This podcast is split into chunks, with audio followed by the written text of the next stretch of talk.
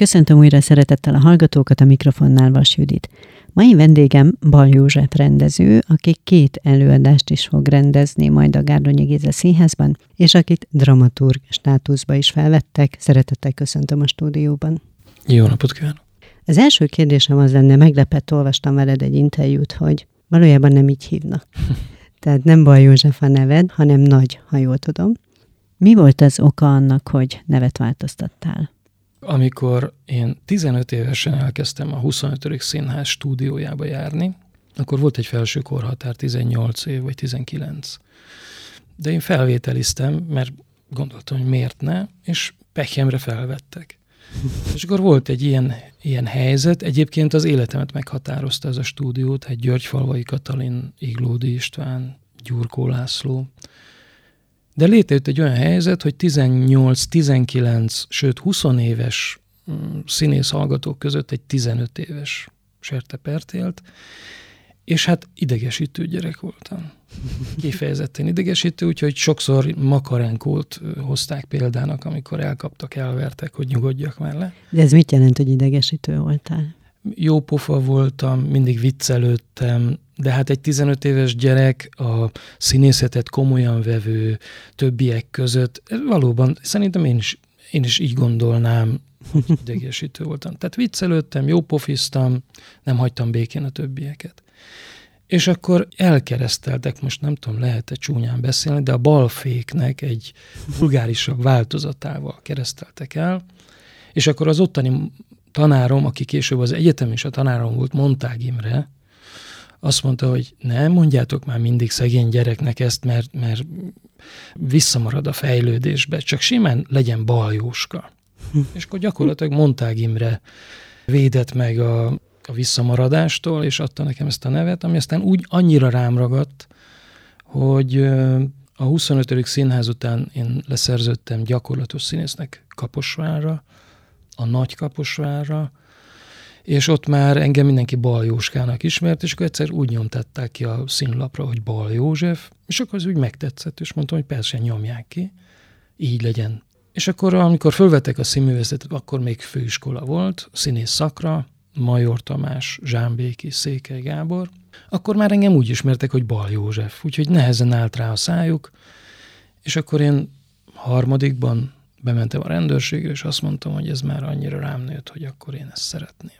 Nota bene, egy fél mondat, hogy amikor bementem, 1983-ról beszélek, 84, úristen, bementem a rendőrségre, és akkor egy kis ablaktalan szobába jött egy nagyon nagy rendőrnéni, és egy ilyen nemzeti színű szallaggal átkötött mappával a hón alatt leültünk így az asztalhoz, mint ahogy most, és így hosszan súlyos csendbe elkezdte lapozgatni, és akkor megkérdezte, hogy miért akar maga bal lenni. és ez mit jelent? Mondom, hát mert így, így, így hívnak. De tudja, hogy ezt soha többet nem lehet megváltoztatni. Mondom, igen, rendben van.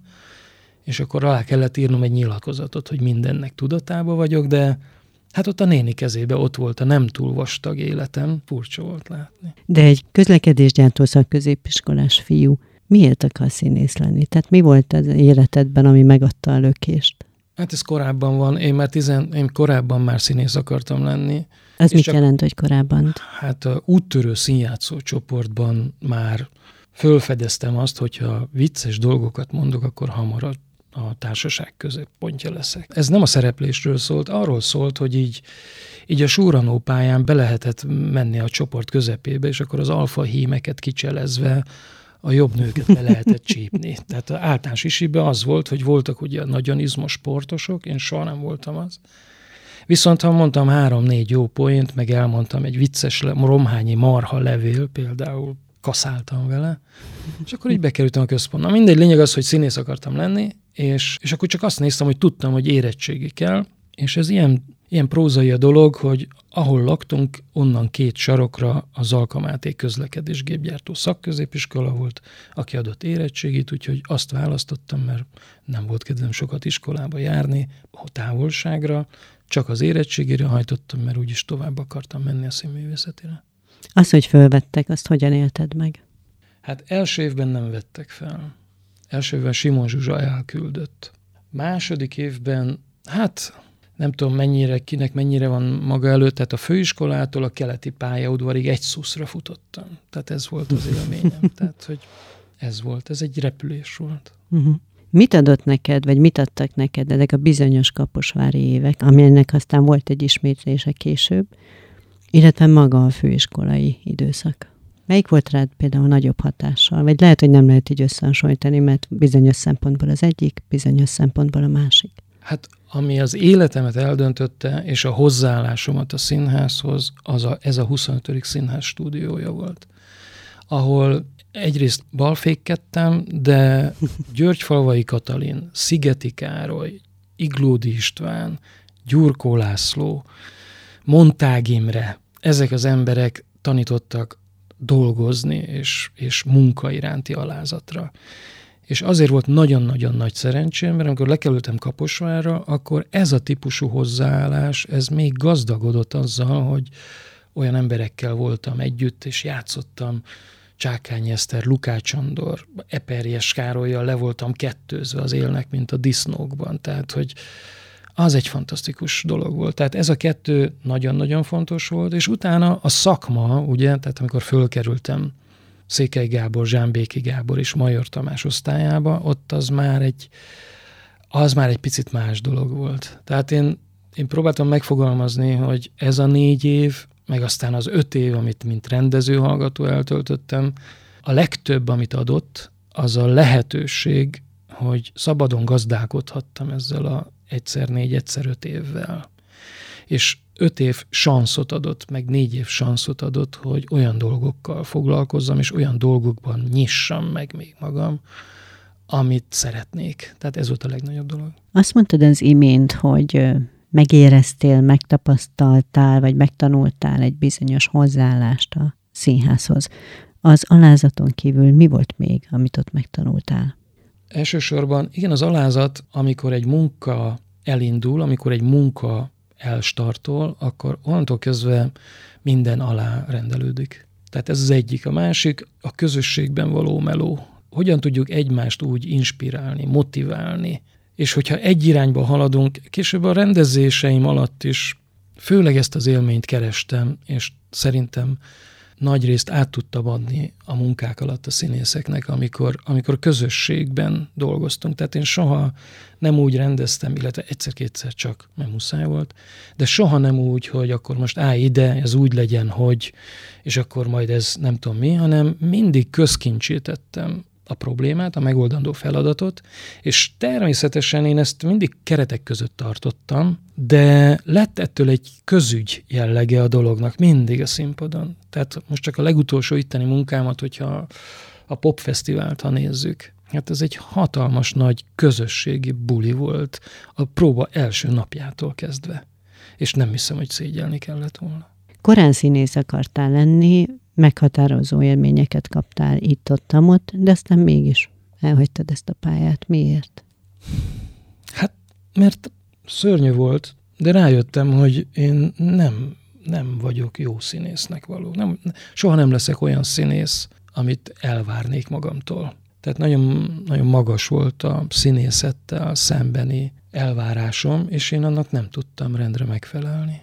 Aztán még két dolog egyébként. Az egyik az, hogy... De bocsáss meg saját magadnak, vagy ilyen visszajelzést is kaptál esetleg? Nem, a, ez a jópofaság, ez, ez sokáig működött, tehát, hogy ebben a jópofa karakterben a, a Szabó legénytől kezdve játszottam rengeteg olyan karaktert és olyan szerepet. Hát itt kezdtem, itt volt a diploma, színész diploma előadása Csongor és Tünde. Ott éreztem meg először, hogy hogy én ott ahhoz kevés vagyok. Nagyon sikeres előadás volt, nagyon látványos volt, de nem bírtam el.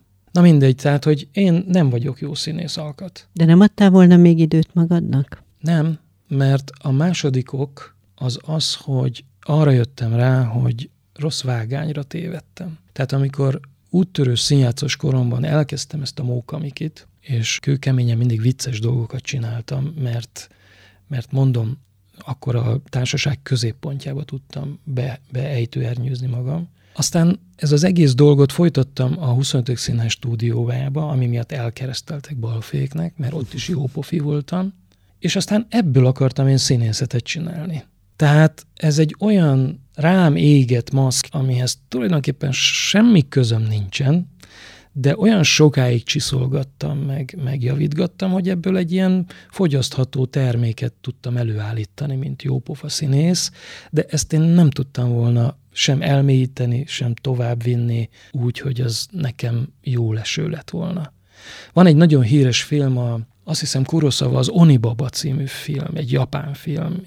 Az arról szól három mondatban, hogy hatalmas éhezési hullám Japánban, és az asszonyok, egy anya meg a lánya utonállóként működik, és kirabolnak embereket. És akkor egyszer egy alvó vagy beteg szamurájtól elszették a fegyvereit, és találtak egy maszkot is, ami gyönyörű szép maszk volt, ilyen porcelánfehér maszk. És akkor a lány ezt eldugta, és akkor esténként mindig azzal rémizgette az embereket, mert féltek tőle, mert nagyon hatásos volt ebben a maszkban. És egyszer jött egy vihar, eső, és ez a maszk megázott, és rászáradt az arcára. És nem tudta levenni. És utána könyörgött, hogy ezt vegyétek már le rólam. És, akkor... ettől féltél, hogy... Igen, attól féltem, hogy ez a maszk annyira, annyira lenyom, és annyira megköti kezem, lábam. Már nem éreztem jól magam. Az utolsó években már nem éreztem jól magam, és akkor pont Pechemre, vagy nem, találtam egy hirdetést, hogy újra indítják a nagyon régóta nem működő rendezőképzést az mhm. egyetemen, uh-huh. és indul egy öt éves rendes rendezői szak, és egy három éves posztgraduális képzés. Uh-huh. És mhm. akkor jelentkeztem. Igen, tehát végül is a színháztól magától, ettől a világtól nem tudtam. Hát még nem is akartál. Voltam. Ahhoz már gyáva voltam, elszakadni. 30 éves fejjel elszakadni és egy vadi új dolgot csinálni, pedig volt bennem akkor már rengeteg dolog, de nem mertem elszakadni a színháztól, nem tudtam. Tehát nem tudtam elképzelni az életem, hogy nem így zajlik tovább. Uh-huh. De korábban színészként, amikor rendeztek téged, akkor, akkor éreztél már valami olyasmit, hogy esetleg más gondolatod lenne, másképp csinálnál? Tehát megmozdult már valami benned akkor is, mint rendező? Nem, nem nagyon gyerek volt. Vagy ez a lezárás után jött? A lezárás előtt volt egy kísérletem, amikor megrendeztem Szolnokon, és ez egy fontos dolog, majd később talán, majd ez visszajön. Tehát Szolnokon a Svajdánál voltunk, és ő azt mondta, hogy hát ha, ha van kedvetek, akkor ne a kocsmába, ne a klubba igyatok, hanem csináljatok valamit, és hogyha azt tetszik nekem, akkor berakom a műsortervbe. És akkor ott összeálltunk hatan, heten, és volt egy ilyen becsípődésem, hogy a Racine Andromaché című darabja az, az egy rettentő izgalmas darab, most is azt gondolom. És rávettem a színész barátaimat, hogy előadások után este 10-11-kor lementünk a próbaterembe, vagy a színpad alatti teret kitakarítottuk, és ott létrehoztunk egy előadást, amit én, én rendeztem, rendeztem, hát én nem tudom, korrigáltam, vagy, vagy irányítgattam. És akkor a Svajdának az megtetszett, és berakta a műsortervbe, és játszottuk. Ez volt az egyetlen, de aztán utána ettől megijedtem, mert mondom, hú, ez valami, olyan, ez valami értelmiségi cselekedet, ezt nem szabad. Zsoltér Sándornak köszönhetem egyébként, hogy ebbe is belevágtam, mert ő, ha ő nincsen, akkor ne, ezt se csinálom meg. Ennyi, és amikor rájöttem, hogy ez nem megy, ez a színészet, és az egy nagyon rossz periódus volt, akkor ott hónapokig csak ültem. És akkor arra gondoltam, hogy jó, hát akkor, akkor rendező. De mindenféle elhivatottság nélkül, csak mi az a dolog, ami, ami megengedi még, hogy a színház közelébe legyek. Ennyi. És volt valamilyen tapasztalatom a színpad körül, és akkor gondoltam, hogy megpróbálom. Érdekes, amit eddig mondtál, hogy egy gyávaság kellett ahhoz, vagy gyávaság az, hogy te kilépjél innen, ahhoz nem volt bátorságod. De ugyanakkor ez a ráeszmélés, meg ez a változtatás, ez igenis egy nagyfokú bátorságot mutat szerintem.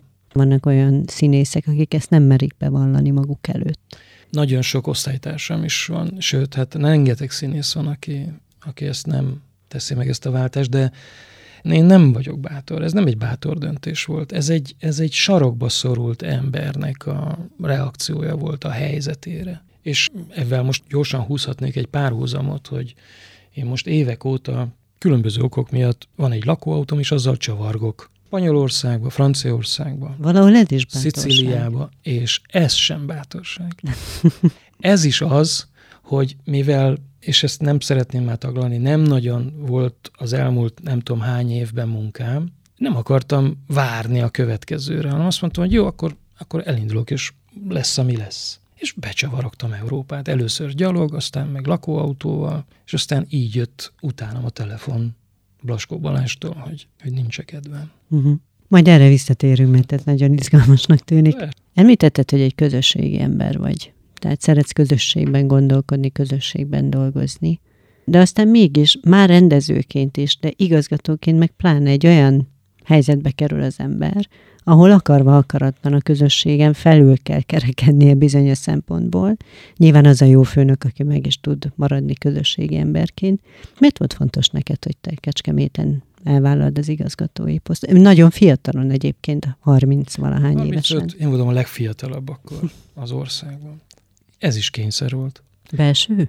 Nem, ez egy kicsit közös kényszer. Akkor voltunk végzősök a rendező osztályban, szintén Székely Gábor volt az osztályfőnökünk, és annyira blőd ez a történet, de elmondom. Tehát, hogy az volt, hogy, hogy azt mondták, hogy a Kecskeméti Színházra lehet pályázni. És ezért hárman összeültünk, egyébként többen, és megírtuk a pályázatot, Harsányi Súlyom, Lendvai Zoltán meg én. És mivel Lendvai Zoltán egy évvel idősebb volt, egy fölöttünk levő rendezőosztályban, már ő végzett volt, ezért amikor írtuk a pályázatot, egyértelmű volt, hogy, hogy akkor a Zoli lesz az igazgató, és akkor mi ketten a Harsányi Lacival pedig húzzuk az igát, rendezünk meg, csináljuk a színházat. Megírtuk a pályázatot, és akkor nekem volt kocsim hármunk közül, és akkor autóval levittem a pályázatot utolsó nap Kecskemétre. És hát az történt, hogy a Zoli azt mondta, hogy gyerekek, én egy hete nem tudok aludni, mert hogy mi lesz, hogyha én igazgató leszek? Hát én nem akarok igazgató lenni. És akkor ott volt az utolsó nap, a pályázat megírva, és akkor jó, azt mondtam, jó, akkor írjunk be engem. Így lettem, így lettem igazgató. Ez sem egy ilyen elhivatottság, és készültem rá, hanem egy ilyen vészhelyzet volt, amit, amit, amit így meg akartam oldani. És ott mennyire tudtál megfelelni a saját mércétnek? Mert biztos ott is volt, tehát ebben a posztban is, vagy az Nagyon... életednek ebben a szerepében is volt egy mérce. Nagyon durva volt, mert igen, közösségi ember, meg empátia, meg ilyenek. Ehhez képest a Kecskeméti Színház akkori gárdájának, hát a 70%-át elküldtem. És egy vadi új csapatot állítottunk fel oda. Ezt ma már nem tenném meg. Ezt ma már nem csinálnám. Miért tetted, és miért nem tennéd? Azért tettem meg, mert az öt éves periódus helyett az önkormányzat valami rejtélyes működésénél fogva, ami azóta is minden önkormányzatot fémjelez, azt mondták, hogy az öt év helyett csak három évre adják oda az igazgatói állást, és akkor majd utána újra pályáztatják a színházat. Három év alatt nem tudod kifutni magad. Tehát elképzelhetetlen, hogy átveszed a régi társulatot, egy évig megismerkedsz velük, akikről azt gondolod, tudod, hogy nem ugyanazt a világot látjátok, és akkor csak utána csinálod meg ezt a váltást, egyszerűen nem, nem tudod létrehozni azt, amit akartál. És amiért megtettem, és nem csinálnám más, tehát ha annyi idős lennék, akkor újra ezt megtenném. Mai fejjel nem tenném meg. Mert egy olyan csapatot hoztunk létre, amelyik három év alatt a mai napig hivatkoznak erre a csapatra. Tehát ez egy legendás társulat volt. Rengeteg fiatal volt, a társulat átlag életkora 28-29 év volt, olyan előadásokat csináltunk, hogy igen, az operettes közönség, akik busszal jártak be, azok kezdtek elmaradozni, viszont szabadjegyesek, kecskemétiek átvették ezt az egészet, és a második évre már meg is emeltük a nézőszámot. Tehát, hogy nagyon, nagyon jól pörögtünk. Ezt se neveznéd bátorságnak. az is egy kényszer volt, mert akiket leszerződtettünk fegyvertársnak, akiket odavittünk, meg mi magunk is, akik akkor kapartuk le a tojáshéjat a fenekünkről, hogy nagyon akartunk csinálni valamit. Ebben nem nagyon fért bele kompromisszum. Uh-huh. A harmadik évben, amikor már ilyen, amikor már ilyen meglett igazgató voltam, akkor már csináltam együttműködést például a Szolnoki Színházzal, a Svajdával, és akkor átvettünk darabokat úgy, hogy, hogy ott is játszák. Tehát az már például egy kompromisszum volt, de azt el kellett fogadnom, mert megtanultam, hogy vidéken kellenek a húzó nevek. Pont. Lehet építeni egy nagyon jó társulatot, de hogyha nincsen egy, kettő, három húzó név, akkor sokkal nehezebben megy. Nem fogadták olyan nagy örömmel ott egyébként ezt a, ezt a változtatásodat? Nem, igen. Hát, ezt hogy élted meg? Nem jól, folyamatosan, gyakorlatilag naponta jártam be az önkormányzathoz, mert próbáltak így úgy amúgy gáncsoskodni, és visszatartották a, például a, a havi járandóságot, akkor a színház nagyon nagy bajba volt, mert nem tudott működni, és akkor meg kellett oldanunk. Most megint egy interjúra hagyatkoznék, ahol azt nyilatkoztat, hogy nem szeretsz igazgató lenni, mert kompromisszumot nehezen tudod elfogadni, meg viszonylag nehezen hozol döntést. Ehhez képest aztán mégis lettél igazgató újra. Igaz, hogy megbízott igazgató eleinte itt a Harlekin Báb színházban például, ha jól tudom. Tehát valami mégis történt benned, ami, ami megváltoztatta ezt a akkor valószínűleg határozott véleményedet. A társulatnak az ápolgatása, a nevelése, az nagyon hozzám nőtt. Tehát az, hogy felelősséget vállaljak azért a csapatért, akikkel együtt vagyok. Hogy amikor érzem, hogy, hogy jól működik, és megkapják a figyelmet, akkor az nekem nagyon nagy öröm. Ez azzal együtt, hogy mindig is úgy lesz, hogy a vezető a legmagányosabb, mert ő a háta mögött vannak a többiek, akiket vezet. Tehát, hogy az, az mindig meg lesz. De az, amikor például Szegeden is, igen, az a prózai tagozat, a prózai igazgató voltam, ott a prózai társulatot kormányozgattam, és ott csináltuk a, a mechanikus narancstól kezdve a, a hegedűs a háztetőn, ahol állva tapsoltak az emberek. Tehát, hogy nagyon jó közösen úgy színházat csinálni, hogy közben élvezzük, amit csinálunk, ráadásul a nézőknek még tetszik is. Ez a legnagyobb ajándék az élettől. Ekkor már éreztél valami olyasmit, hogy na, jó az, amit csinálok? Tehát ezt a mércét elelérem? Vagy te mindig ilyen szkeptikus típus? Nem, ez egyébként? nem szkepszis, realitás. Tehát, hogy igen, azt tudom, hogy az előadásaim 89-93 százaléka az működik, amit eddig csináltam. Az jó érzés. De mindig van bennem egy olyan dolog, hogy ez, ez lehetett volna jobb. És van egy ilyen kis enyhe mazoisztikus jellem, hogy ha jobban készültem volna, ha jobban utána jártam volna, vagy nem tudom mi, akkor még mi minden lehetett volna. És furcsa módon ezért esik nagyon jól néha egy-egy darabot újra rendezni, mert hát a popfesztivált, amit itt megcsináltam, és imádtam, itt a Besenci akkor játszott a színházba, és akkor azt mondta, hogy hát ezt azonnal meg kell csinálni Zalaegerszegen is. Ott megcsináltam, és egy teljesen más popfesztivál lett belőle és nagyon-nagyon élveztem, mert, mert már a birtokába voltam korábbi munkáknak. És nem mondom, hogy jobb lett, de mondjuk ott is állva tapsoltak, meg is jegyezték, hogy kettő darab előadás a színház történetében, kettő volt, amikor állva tapsoltak, ez volt az egyik. Az uh-huh. jó érzés, azt uh-huh. szerettem. De egyébként, amiről beszélsz, valahol egy ilyen egészséges kétkedés is magunkban, nem? Ami motiváló is tud lenni. Hát igen, de hát tudod, ez a mérce, amihez méred magad, az mindig tőled függ, hogy te milyen mércét választasz. Hát én mérhetem magam az Ariam Nuskinhoz, vagy a, vagy a Peter Brookhoz, és mindig veszteni fogok.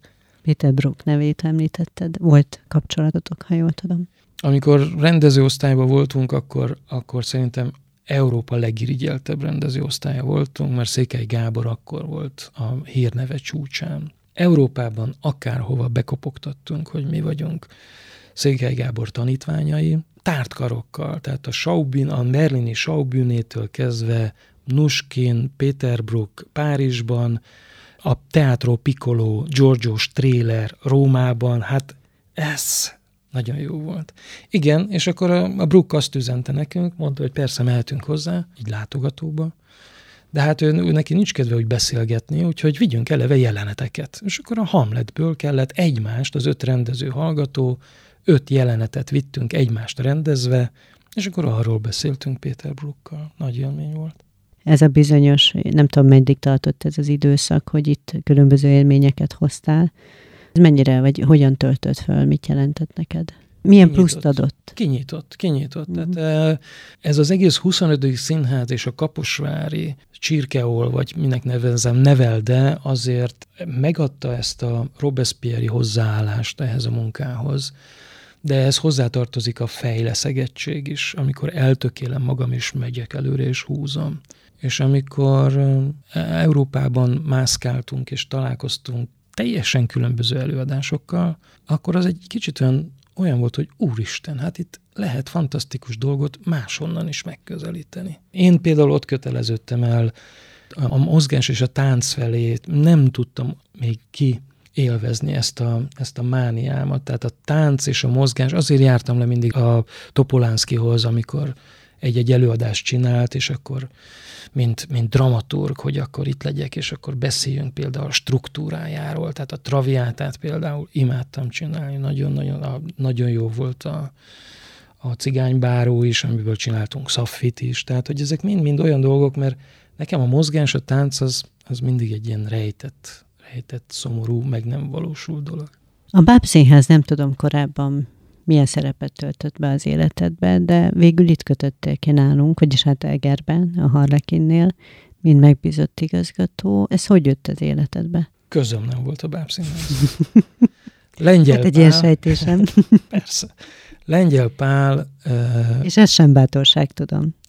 mindjárt mondom. Jó. Lengyel Pál rendező volt Kaposváron. Gyerekdarabokat rendezett, és akkor ott ismertük meg egymást.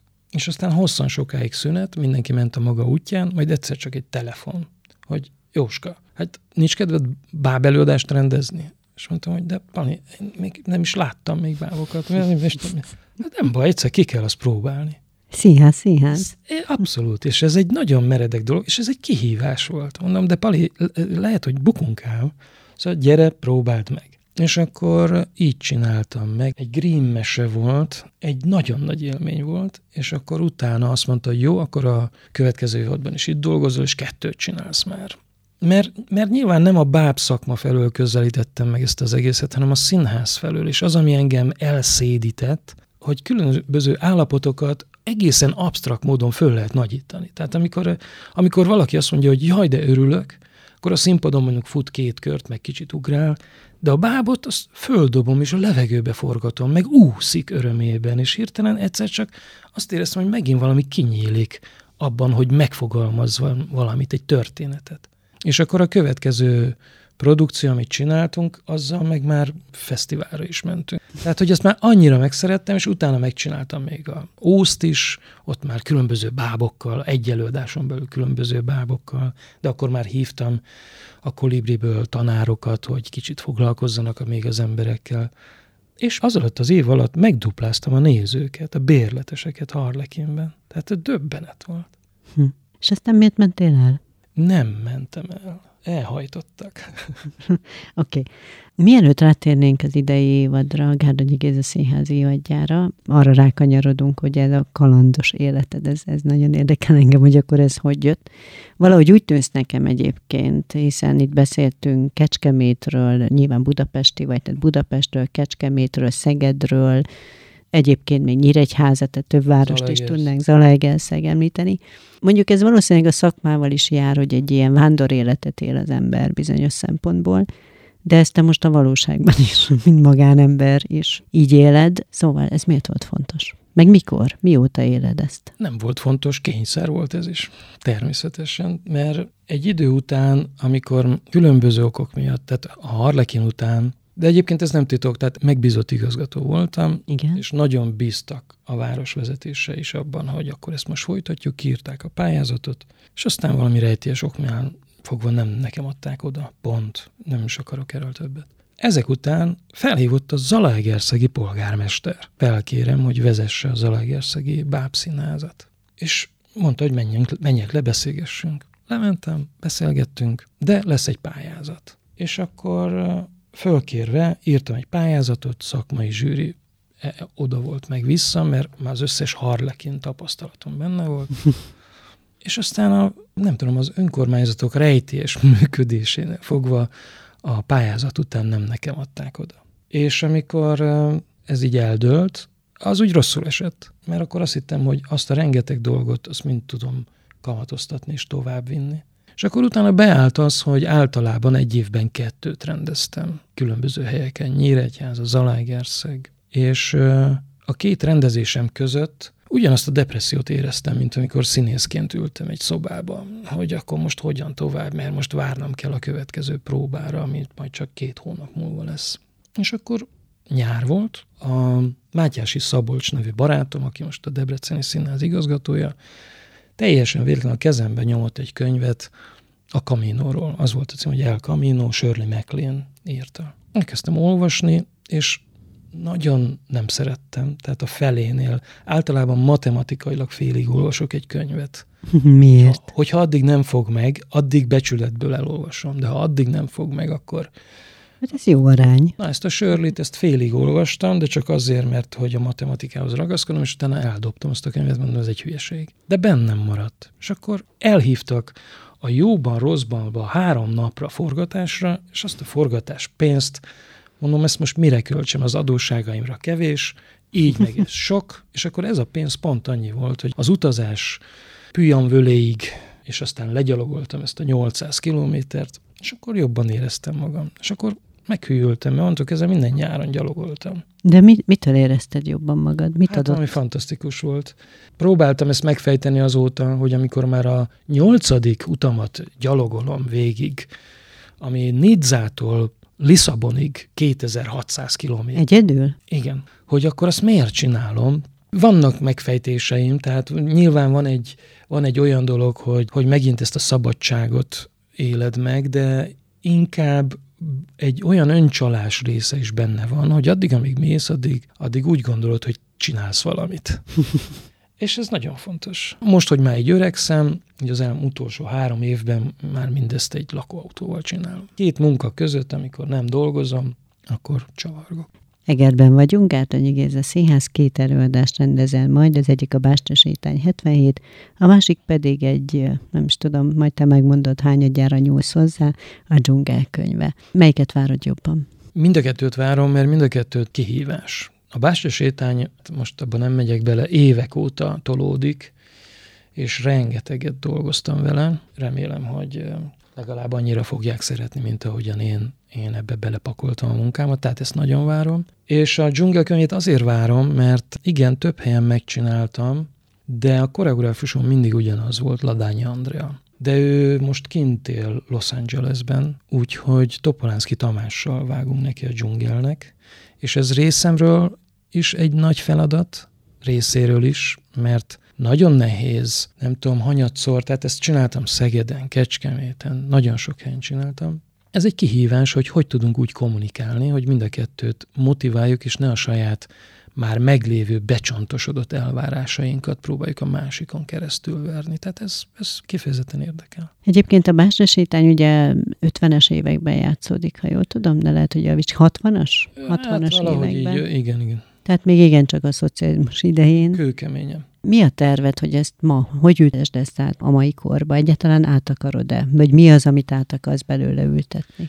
A Bástya sétánynak az egyik nevezetessége az, hogy ahányszor bemutatták Magyarországon, mindig átírták a, a forgatókönyvet. Mert a történet, a libretto az nem túl, nem túl acélos, hogy így fejezzem ki magam. Maga, ahogyan megszületett ez a, ez a musical, vagy zenés játék, már az is egy ilyen törvényen kívüli történet, hiszen az Eisenman, aki listás volt a szocialista rendszerben, egy kávéházban zongorázgatott, és egy fiatal rádiós rendező sokat járt abba a kocsmába, és hallgatta az öreget. És akkor annyira fel, felpörgette magát, hogy kért tőle dalokat, és azt mondta, hogy ebből én csinálok zenés, zenés játékot, rádiójátékot, és akkor kerítettek hozzá egy szövegírót. Én most nem minősítek senkit, hiszen a mai napig a három eredeti van kiírva. De ez a szövegkönyv ellentétben a zenével, meg a dalszövegekkel kevésbé jól sikerült, ezért mindenki